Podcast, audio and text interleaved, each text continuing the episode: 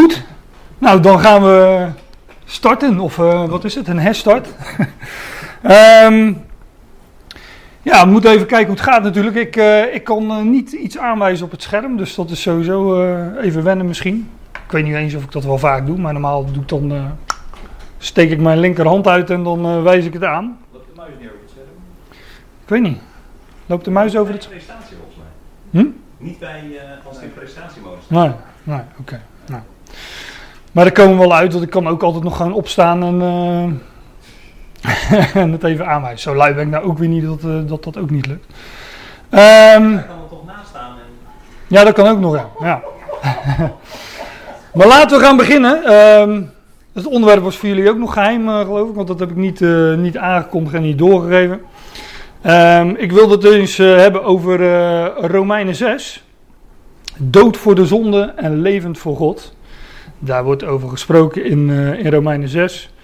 En dat is een direct vervolg, dat zal jullie niet verbazen, op Romeinen 5. dat is een beetje open deur natuurlijk. Maar laat ik dan uh, even kort weergeven waar, waarover het in Romeinen 5 gaat. Ik denk dat het een redelijk bekend hoofdstuk is. Zeker dat tweede gedeelte. Maar daar wordt bijvoorbeeld gezegd: Door Adam kwam de zonde de wereld binnen. En door de zonde de dood. De dood ging door tot in alle mensen, waarop alle mensen zondigen, waarop allen zondigden. Als je nou je vertaling erbij pakt, dan staat het er meestal net wat anders, maar dit is wat er letterlijk staat. En ik haal dit aan omdat het straks in Romeinen 6 ook weer over zonde gaat. Dat is daar een van de onderwerpen. En uh, nou ja, daar, daar, kom ik al op. Laat ik er niet, uh, niet op vooruit lopen. Maar door Adam komt dus de zonde de wereld binnen. Hè, door, uh, het eten van die eh, vrucht, zeg maar. En door de zonde komt dus de dood de wereld binnen. En de dood ging tot alle mensen door. De dood gaat tot alle mensen door. En daardoor ben je een zondaar. Dat is wat hier staat. Dus uh, dat maakt het begrip erfzonde alweer een twijfelachtig begrip. Dat is ook al een term die je niet tegenkomt in de Bijbel. Maar daarom uh, is het gezond om Bijbelstudie te doen. Dan, dan ontdek je nog eens wat natuurlijk. Dit is ook wel een leuke. Zonde was er wel al voor de wet, maar wordt niet toegerekend als er geen wet is. dus uh, de, wat doet dus de wet? Ja, die leert zonde kennen. Is dat nuttig? Nou, wellicht, het heeft een doel of heeft een doel gehad, maar uh, we zijn er ook weer van vrijgemaakt. Ja, dit is een van de mooie uitspraken uit Romeinen 5. Er staan er zoveel in, maar genade overtreft altijd de misstap. Genade overtreft de zonde.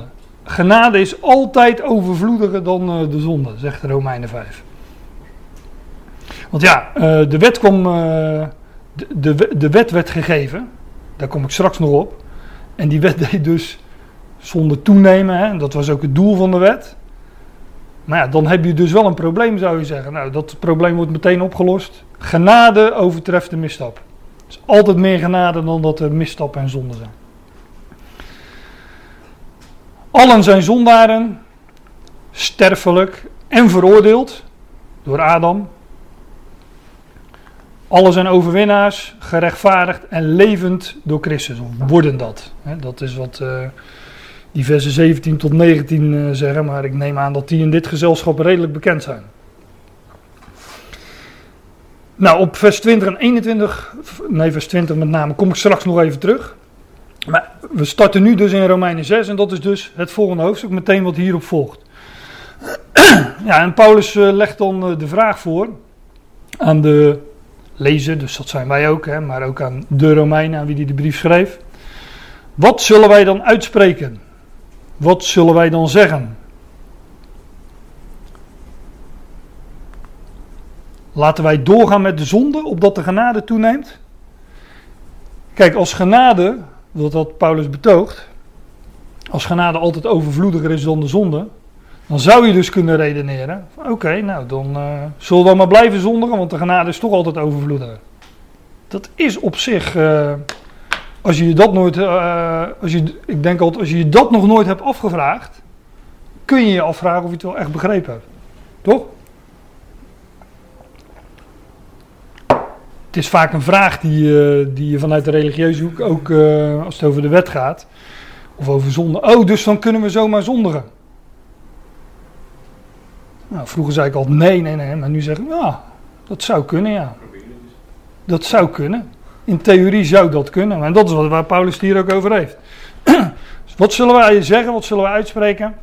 Zullen wij, laten wij doorgaan met de zonde opdat de genade toeneemt? Is dat dan eh, de logische vervolgtrekking hieruit? En dat zegt hij naar aanleiding van het eh, vorige. En daar ga ik nu even naartoe. Dat wil ik wel iets verder uitlichten.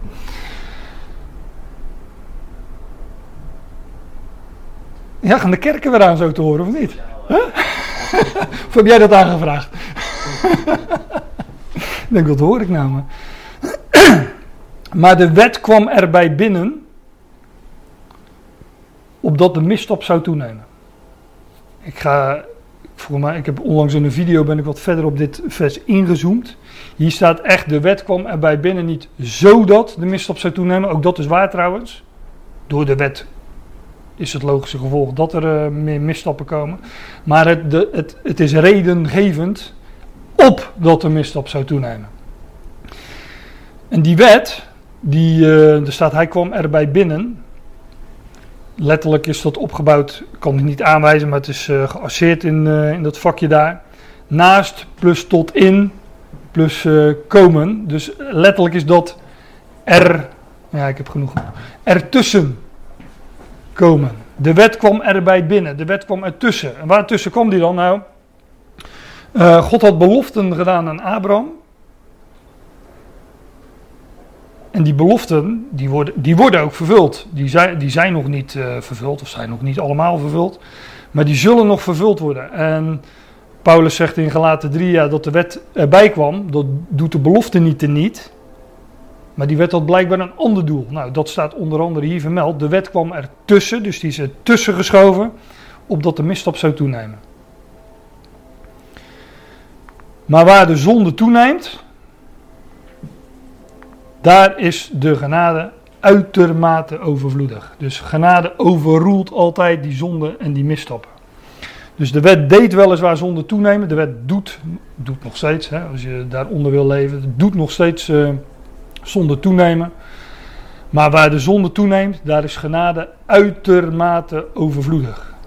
Niet overvloedig, maar uit tot de uiterste maat overvloedig. Dus altijd meer, overvloed, veel meer enzovoort. Nou, dus daarom zegt Paulus, zullen wij dan doorgaan met de zonde, opdat de genade toeneemt? nee, zegt hij, mogen het niet gebeuren. Statenvertaling heeft zoiets als, uh, dat zij verre. Nou, ik hoop niet dat ik mijn Bijbel nodig heb, die zit nog in mijn tas. maar uh, dat komt wel goed, denk ik. Anders doen we een beroep op Jens en Fan. Uh, volstrekt niet, zegt de MBG-vertaling in. Kijk, dat kan ook nog, dank je. Nou, maar hopen dat ik hem nog nodig heb, uh, Jos. Mogen het niet gebeuren, volstrekt niet, absoluut niet. Want, en dan uh, gaat Paulus aangeven, hoezo dan? Hoe zullen wij die stierven aan, letterlijk of voor de zonde, daarin nog leven. Dus wat Paulus hier zegt is dat onze positie met betrekking tot de zonde is, ja, die is er niet. Wij zijn dood voor de zonde. Dat is wat hij zegt. Wij, hoe zullen wij die stierven aan de zonde? We zijn dus blijkbaar voor de zonde gestorven. Dus voor de zonde dood. Nou, uh, met een dode heb je geen contact, dat, dat, daar is geen gemeenschap. Dus zijn wij dood voor de zonde, dan, nou, dan speelt zonde dus ook geen rol. Of zijn jullie onwetend? Paulus doet altijd een, beroep op uh, weten. Weten jullie dan niet? Of zijn jullie dan onwetend? Dat is uh, een, refrein wat je te, regelmatig uh, tegenkomt in de brieven van Paulus. Zijn jullie agnostisch, staat er letterlijk. zie je het onderin in het eh, Grieks? Het woord agnostisch, niet weten. Of zijn jullie onwetend? Nou ja, daarom doen we bijbelstudie als we, het niet, als we het niet weten. Ja, we zijn er weer. Um, in Christus, in Christus Jezus, wij zijn één met Christus. Wij zijn in Hem. Wat was ik aan het vertellen? Oh ja, over. eh, nee, ik zei tegen de kinderen: alles, alles is vergankelijk in deze schepping. Eh, de natuur sterft af, eh, alles gaat dood. de verfbladden, noem, het maar, noem het maar op. Ik zeg: aan alles komt een einde. Toen zei Fan: echt niet. Een cirkel heeft geen einde. ik zeg: nou, dan weet je meteen waar dat dus een beeld van is. Maar dat was, eh, die was wel raak. Daarom zei ik, teken een cirkel als beeld van Christus Jezus. Wij zijn daarin. Nou, wij zijn dus in Christus Jezus, maar we zijn ook in hem gedoopt, ondergedompeld. We zijn ja, volledig eh, in hem ondergegaan, om het zo te zeggen. Dat wij allen die in Christus Jezus gedoopt worden, weten jullie dan niet dat wij allen die in Christus Jezus gedoopt worden, in zijn dood gedoopt worden. Dus één geworden met zijn dood. Dus ja, we zijn met hem gestorven, begraven en opgewekt. Enzovoorts moet ik erbij zeggen. Maar ik ga snel verder, want Paulus zegt dat gewoon in de volgende verse. Hij zegt, wij werden dan samen met hem begraven door de doop in de dood. En ja, weet je, dat als je gewoon leest wat hier staat, we werden dan samen met hem begraven door de doop in de dood, dan weet je toch ook dat dit niet over water gaat. Dat dit pas gebeurt op, of pas, of dat dit gebeurt op het moment dat je in water gedoopt zou worden. Dat is een belachelijk idee. Het, het, het ondergaan van die doop, ja, dat was ooit een, eh, een beeld van wat hier staat. Maar wij werden samen met hem begraven door de doop, door de vereenzelviging met hem, door één te worden met hem, in, in de dood, in zijn dood. Daar hebben wij dus deel aan gekregen. Dat is wat hier staat. En ik had het eigenlijk moeten asseren, maar let eens op hoe vaak eh, het woord samen hier staat, maar ook ehm, als Paulus het heeft over onze positie met Christus, dan gaat het altijd over samen met hem. Ehm, linksonder in beeld zie je dat woordje sun, sun nog iets. Nou, dat sun of sug of sum, dat zie je elke keer in Paulus brieven. En vaak wordt dat vertaald met mede. We zijn eh, mede begraven met hem. Letterlijk is het samen, sun, sum. Samen met hem. Dat is het sleutelwoord. We zijn dus samen één met hem. Als een eenheid.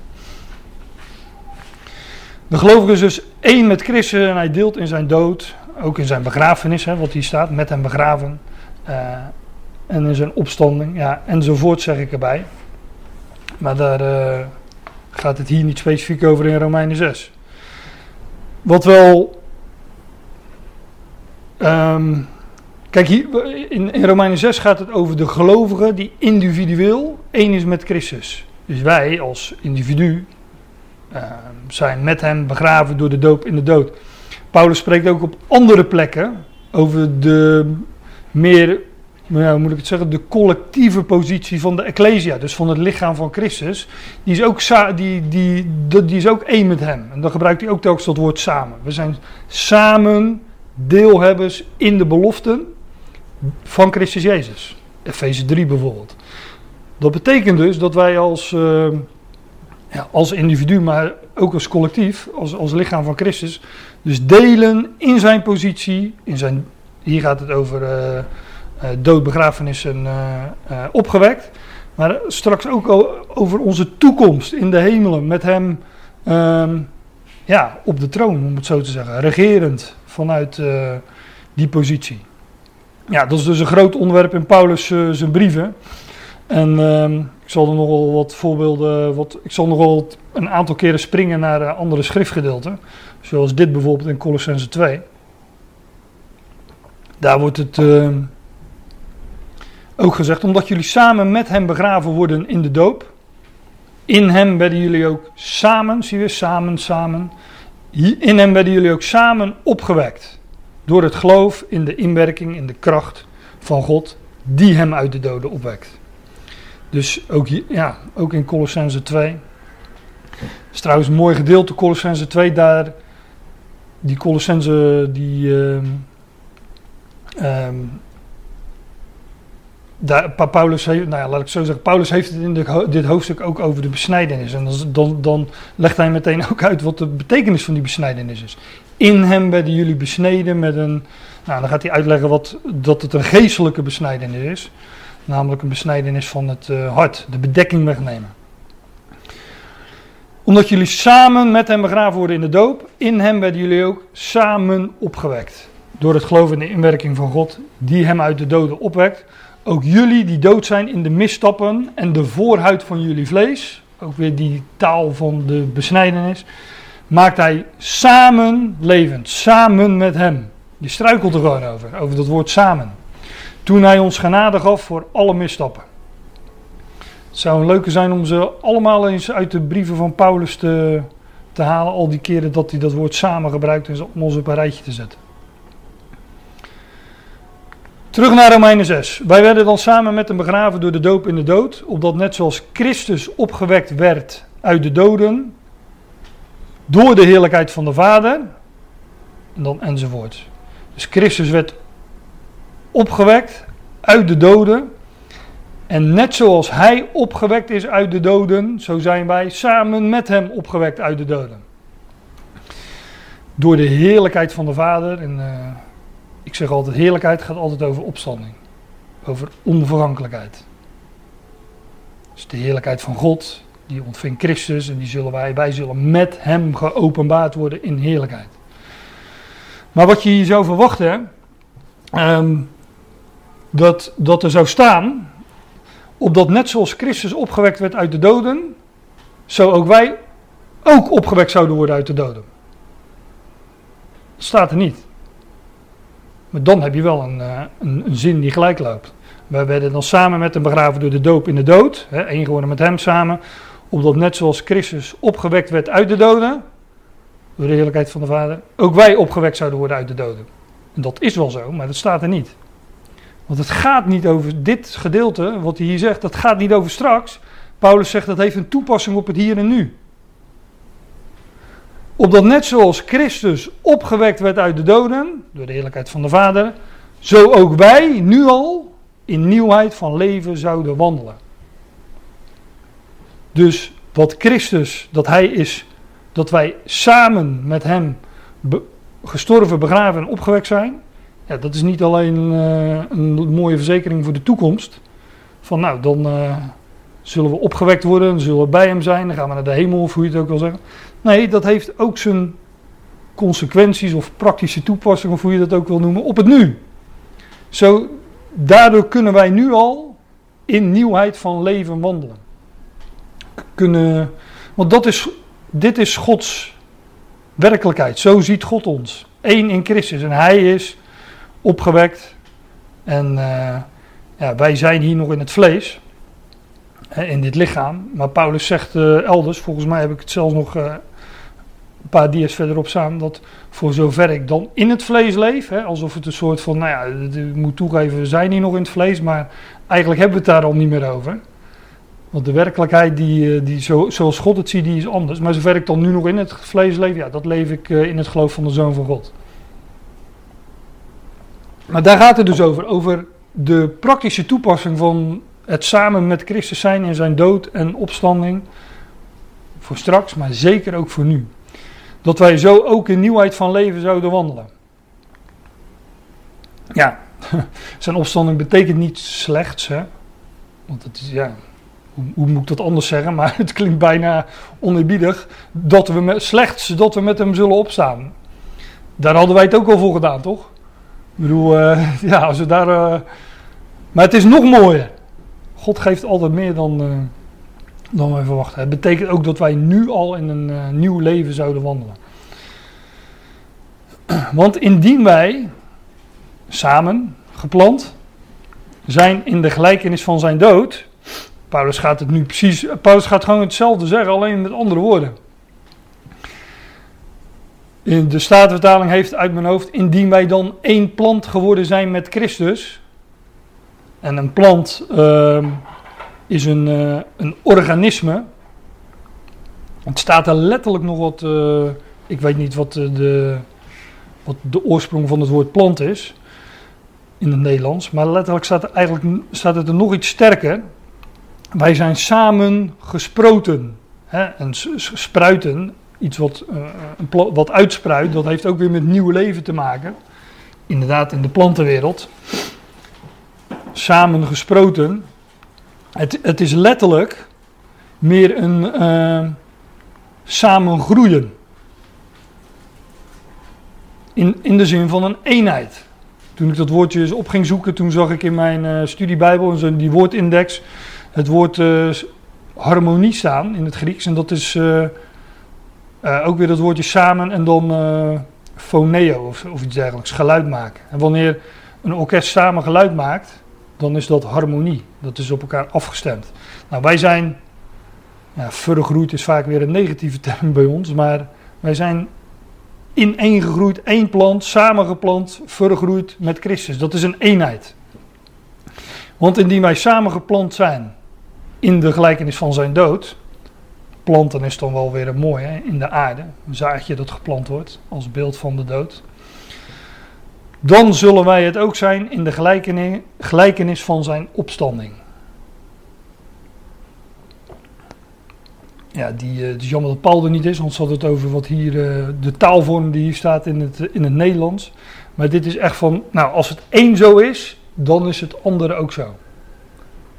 Als we samengeplant zijn in de gelijkenis van zijn dood, dan zullen, in het Duits is dat volgens mij sollen.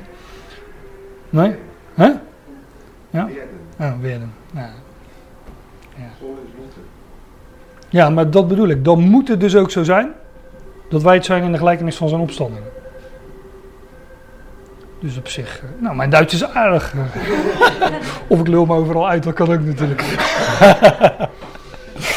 maar ja, weet je, ik hoef het er eigenlijk niet eens bij te zeggen. Indien wij samengeplant zijn in de gelijkenis van zijn dood, dan zullen wij het ook zijn. Dat, ja, als het één waar is, is het ander ook waar, staat hier. Dan zullen wij het ook zijn in de gelijkenis van zijn opstanding. Want wij weten dit, dat onze oude mens meegekruisigd werd. Op zich vreemd trouwens dat eh, de vertaling die ik hier heb eh, gekozen elke keer samen zegt, maar hier dan weer mee. Maar dat is wat andere vertalingen, die hebben ja, mede gekruisigd. Maar hier staat dus ook weer, rechts onderin zie je dat, zo'n samenvoeging van, eh, van een woord met het woordje sun. Dus ook weer samen. Wij weten dit, dat onze oude mens mee gekruisigd werd, samen gekruisigd werd. In, dan ga ik weer even naar een andere brief van Paulus, we gelaten 2, ook wel bekend denk ik. Daar zegt hij dus ook echt, ik ben samen met Christus gekruisigd. Maar, en, ik leef. Dus gekruisigd en toch levend. Nou, niet meer ik, maar Christus leeft, leeft in mij. Kijk, hier zegt hij. Voor zover ik nu in het vlees leef, dat is niet. eh, dat, dat, dat zou bij ons niet eh, het belangrijkste zijn, hè, dat wij in het vlees leven. Dus Paulus die zegt het vrij achterloos, vrij, vrij laconiek. Nou ja, voor zover we nog in het vlees leven, dus niet Gods werkelijkheid, maar ja, wij hebben daar nou eenmaal nog mee te dealen. Voor zover ik nu in het vlees leef, leef ik in het geloof van de Zoon van God. Ook weer dat in, hè. Het is in of samen, wil ik bijna, zou ik bijna zeggen. Dus echt elke keer wat je tegenkomt in de brieven van Paulus wanneer hij het heeft over onze positie in Christus. Leef ik in het geloof van de Zoon van God, die mij lief heeft en zichzelf voor mij overlevert. Hij geeft zichzelf over vanuit zijn hemelse positie om, ja, hij reinigt ons, hij heiligt ons en hij doet zijn werk daar als uh, hoge priester. Maar dat is weer een, uh, een ander beeld waar, uh, waar we het wel eens over hebben gehad en waar we het ongetwijfeld nog eens over zullen hebben. Want wij weten dat dit, wij weten dit, dat onze oude mens mede of samen gekruisigd werd, opdat het lichaam van de zonde teniet gedaan wordt en wij geen slaaf meer voor de zonde zouden zijn. Kijk, het lichaam is er dus nog, hè, voor zover ik nu nog in het vlees leef, zei Paulus in Galaten 2. Maar met betrekking tot de zonde, dus het lichaam van de zonde, ja, dat is of wordt teniet gedaan. Zodat wij geen slaaf, geen dienstknecht, geen uh, lijfeigene meer voor de zonde zouden zijn. Want wij zijn dood voor die zonde. Gestorven met Christus. En dat zegt hij dan ook. Wie sterft of wie gestorven is, die is rechtensvrij van de zonde. Hij is gerechtvaardigd van de zonde. Dus vrijgesproken ook.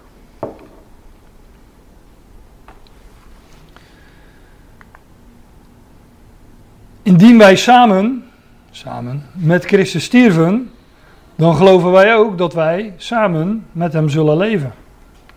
Ja, als het één zo is, is het ander ook zo. Het is eigenlijk echt heel logisch wat hier staat. Ook niet, ook niet moeilijk volgens mij. Het is alleen een kwestie van uh, aandachtig lezen, wellicht nog eens lezen.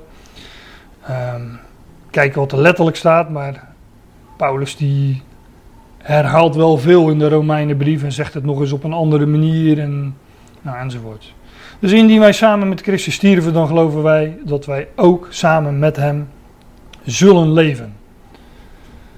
Dat zie je niet zo goed in die interlineair, maar uh, dat wij zullen samen leven, dat is een, uh, ook een tegenwoordige tijd. Er staat een uh, verticaal streepje voor. Ja, samen is het sleutelwoord, maar dat, ik geloof dat ik dat nu wel genoeg uh, benadrukt heb. Maar samen is, uh, als je dat ook onder, met andere woorden uitdrukt, het is aan één. Het heeft echt met eenheid te maken. Dus iets, iets samen, samen optrekken, weet je wel. Samen op weg. uh, die kennen jullie niet.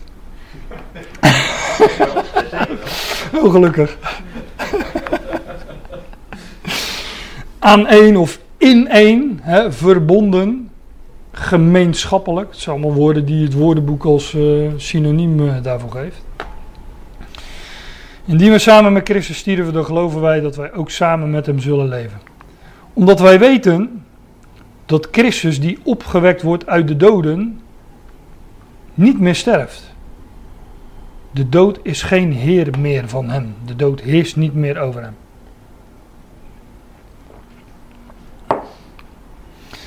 Dus is ook belangrijk, want Christus is opgewekt, maar hij is niet slechts opgewekt, want we kennen meer voorbeelden uit, uh, nou ja, zelfs al uit het Oude Testament, maar ook uit uh, de evangeliën van doden die werden opgewekt.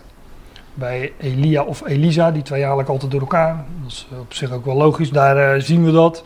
Bij die jongeling van bij, met Lazarus, die opgewekt werd. Maar die zijn allemaal weer gestorven. Dus die ontvingen dit uh, oude leven zeg maar, in het vlees terug.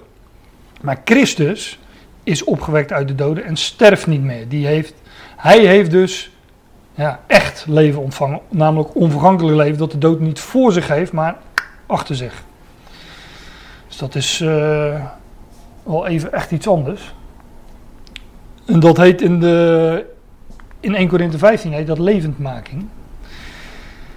En daar wordt dan ook gezegd dat allen die in Adam sterven in Christus zullen worden levend gemaakt.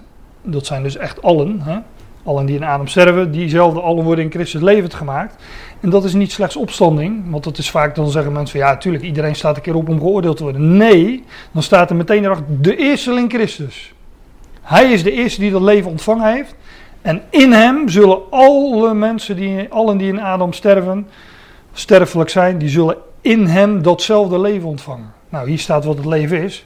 Christus is opgewekt uit de doden en sterft niet meer. Hij heeft de dood achter zich en slecht alleen nog leven voor zich. Onvergankelijk leven.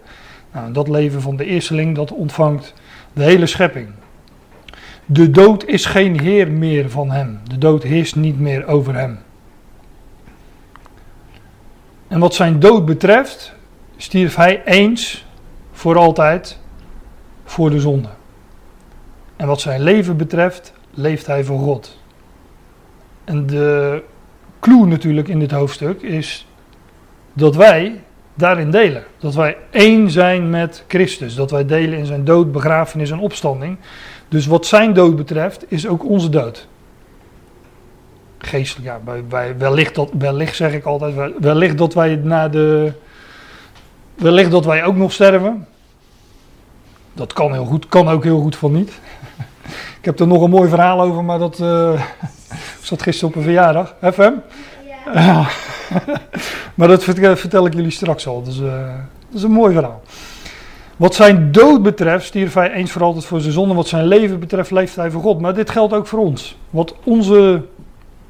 Wij zijn dus geestelijk. Wij zijn met hem gestorven. En dat wij wellicht ook nog naar het vlees zullen sterven. Kans wordt steeds groter van niet natuurlijk. Maar uh, uh, wij delen hierin. Dus wat zijn leven betreft, wat ons leven betreft, wij leven voor God. Nou, mooier kun je het niet hebben, toch? Wij leven voor God. Dan kunnen we, we zitten hier ook op een hoge plaats met, met, met overzicht en uitzicht. En je ziet de wereld beneden die krioelen. En uh, als we straks weer uh, down to earth zijn, dan, dan horen we dat ook in de media. Er is natuurlijk van alles aan de hand. Nou en, wij leven voor God. Wij zijn dus ook voor zijn rekening. Hij zorgt voor ons. Hij geeft ons wat we nodig hebben. Dus wat ons leven betreft, ja, we leven voor God. Dus... Niets aan de hand. Ben dat je dit corona? Ja. ja, nog heel veel andere problemen. Want als dat opgelost is, dan uh, komen, komen een paar nieuwe ook. Uh, ja, wij, wij leven voor God. En, uh, maar als wij sterven, is dat ook, dat zegt Paulus ook, is het ook voor God. Hè? Dus ja, ook, ook, dat, ook dat is geen probleem. Ook dat is geen probleem. Ook niet met die, zeker niet met betrekking tot die gebeurtenis in de toekomst waaraan ik net tussen de regels door refereer. Dat de levend overblijvenden zullen veranderd worden. Dus ja, de kans wordt steeds groter dat wij daartoe gaan behoren. Als we levend overblijven. Maar mocht dat niet zo zijn, ja, dan uh, zegt Paulus nou wat betreft de ontslapenen, geen zorgen. Die, de doden in Christus zullen eerst opstaan. En daarna wij die levend overblijven, samen, samen met hen weggerukt worden worden we weggerukt in wolken de Heer tegemoet in de lucht. En alzo zullen wij altijd samen met de Heer zijn. Ja. Dus ook elke keer dat samen.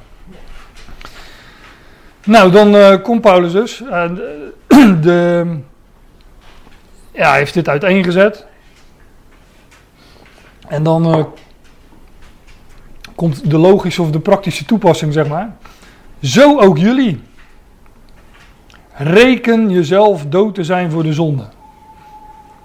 Wij hebben natuurlijk een. Voor wij leven nog in het vlees, hè, dus Paulus zegt dat ook. Voor zover we in het vlees leven en het vlees heeft zijn emoties, zijn gevoelens, zijn verlangens. En, nou ja, dat, uh, daar kun je dus wel eens, uh, wel eens geconfronteerd worden met, met, met de zonde. Maar Paulus zegt: reken jezelf daarvoor dood. Dus dat speelt geen rol. Wij zijn daarvoor dood hoeven dat niet actief te bestrijden. We hoeven dat. Ja, we, ja, we hoeven er helemaal niks mee. Begraven. Weg, dood. Z zo ook jullie, reken jezelf. En dat woord rekent, dat, uh, dat is het Grieks woord logizomai. En dat heeft weer met logica te maken. Hè? Logizomai, logica logisch heeft het ook mee te maken.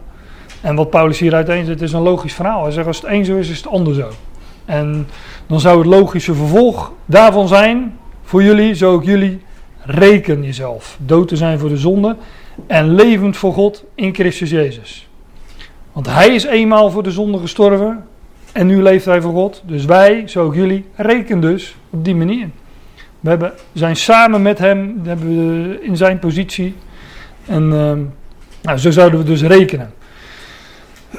Paulus, uh, ik heb daar van week ook een uh, videootje over gemaakt, over uh, waar ook dit woord in terugkomt, dat woord logizomai. Komt 19 keer voor in de Romeinenbrief. Maar Paulus rekende dus ook onder andere in Romeinen 8, vers 18. Ik reken dat het lijden van de tegenwoordige tijd uh, er wordt er vertaald niet opweegt tegen de heerlijkheid die aan ons geopenbaard wordt. Maar het letterlijk, ik reken dat het lijden van de tegenwoordige tijd niet waardig is tegenover de heerlijkheid die tot in ons geopenbaard wordt. Ook weer dat in. Wij, die, die, die, die heerlijkheid, dat is niet alleen dat wij uh, uh, een mooi uitzicht krijgen of zo, dat, het, dat we heerlijke dingen gaan zien. Nee, dat gaat niet buiten ons om, dat gaat tot in ons. We, krijgen een, nieuw lichaam, een veranderd lichaam, een verheerlijk lichaam. Dus de heerlijkheid die tot in ons geopenbaard zal worden. Dat is dus een van die andere schriftplaatsen waar dit woord logizomai uh, gebruikt. Reken jezelf dood te zijn voor de zonde en levend voor God in Christus Jezus. Ja, onze Heer. Hij is onze bezitter, onze eigenaar. We zijn voor zijn rekening. Levend voor God. Christus Jezus is onze Heer. Nou, daar, uh, daar zouden we uit leven.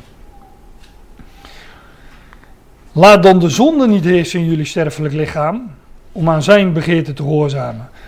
nee, want die zonde, hij, hij is onze Heer. Hè? Christus Jezus, onze Heer. Ja, laat dan de zonde niet heersen in jullie sterfelijk lichaam.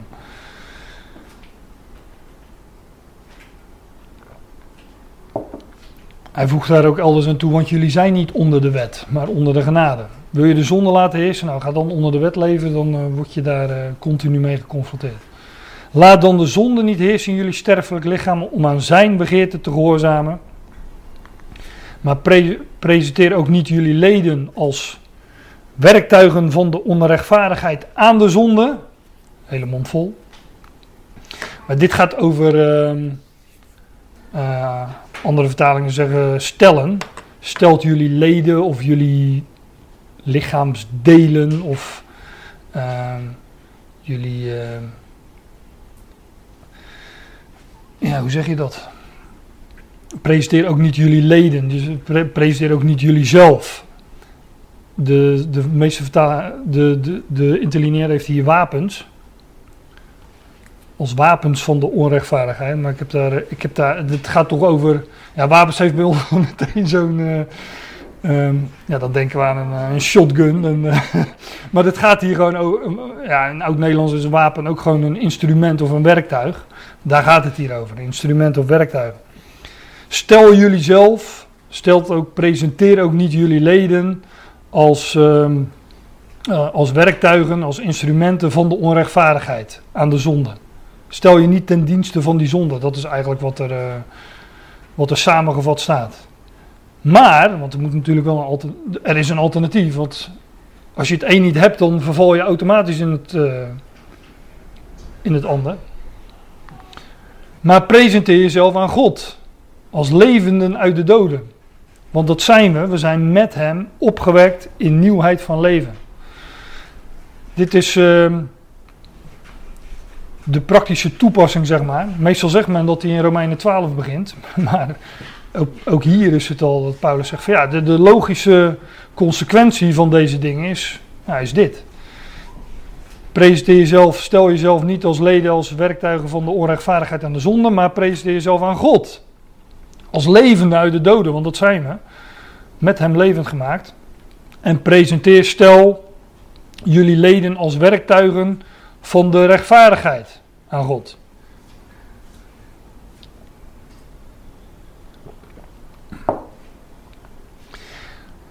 En Paulus zegt het met andere woorden, maar hij zegt ongeveer hetzelfde in Romeinen 12, waarvan men dus altijd zegt, nou hier in Romeinen 12 begint de praktische toepassing. Daar zegt hij, ik roep jullie dan op broeders, dat jullie je lichamen presenteren, of jullie lichamen stellen, als een levend, met hem. Levend gemaakt namelijk, heilig, apart gezet. We zijn uitgeroepenen, dus apart gezette, toegewijd aan hem. En welgevallig, offer aan God. Wat natuurlijk ook nog een, um,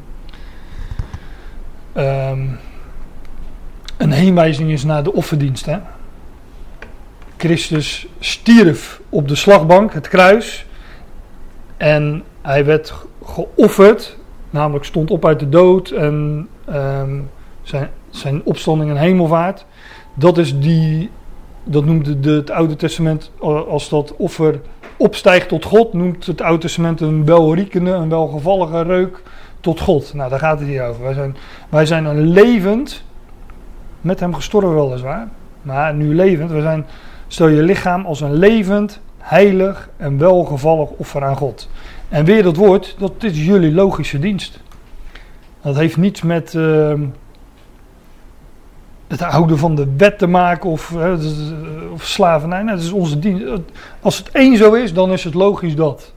We, zijn, we leven met hem. Dus we zijn gestorven voor de zonde, zegt Paulus in Romeinen. Ja, hoe zouden, we dan, waar, hoezo zouden we dan nog in die zonde leven?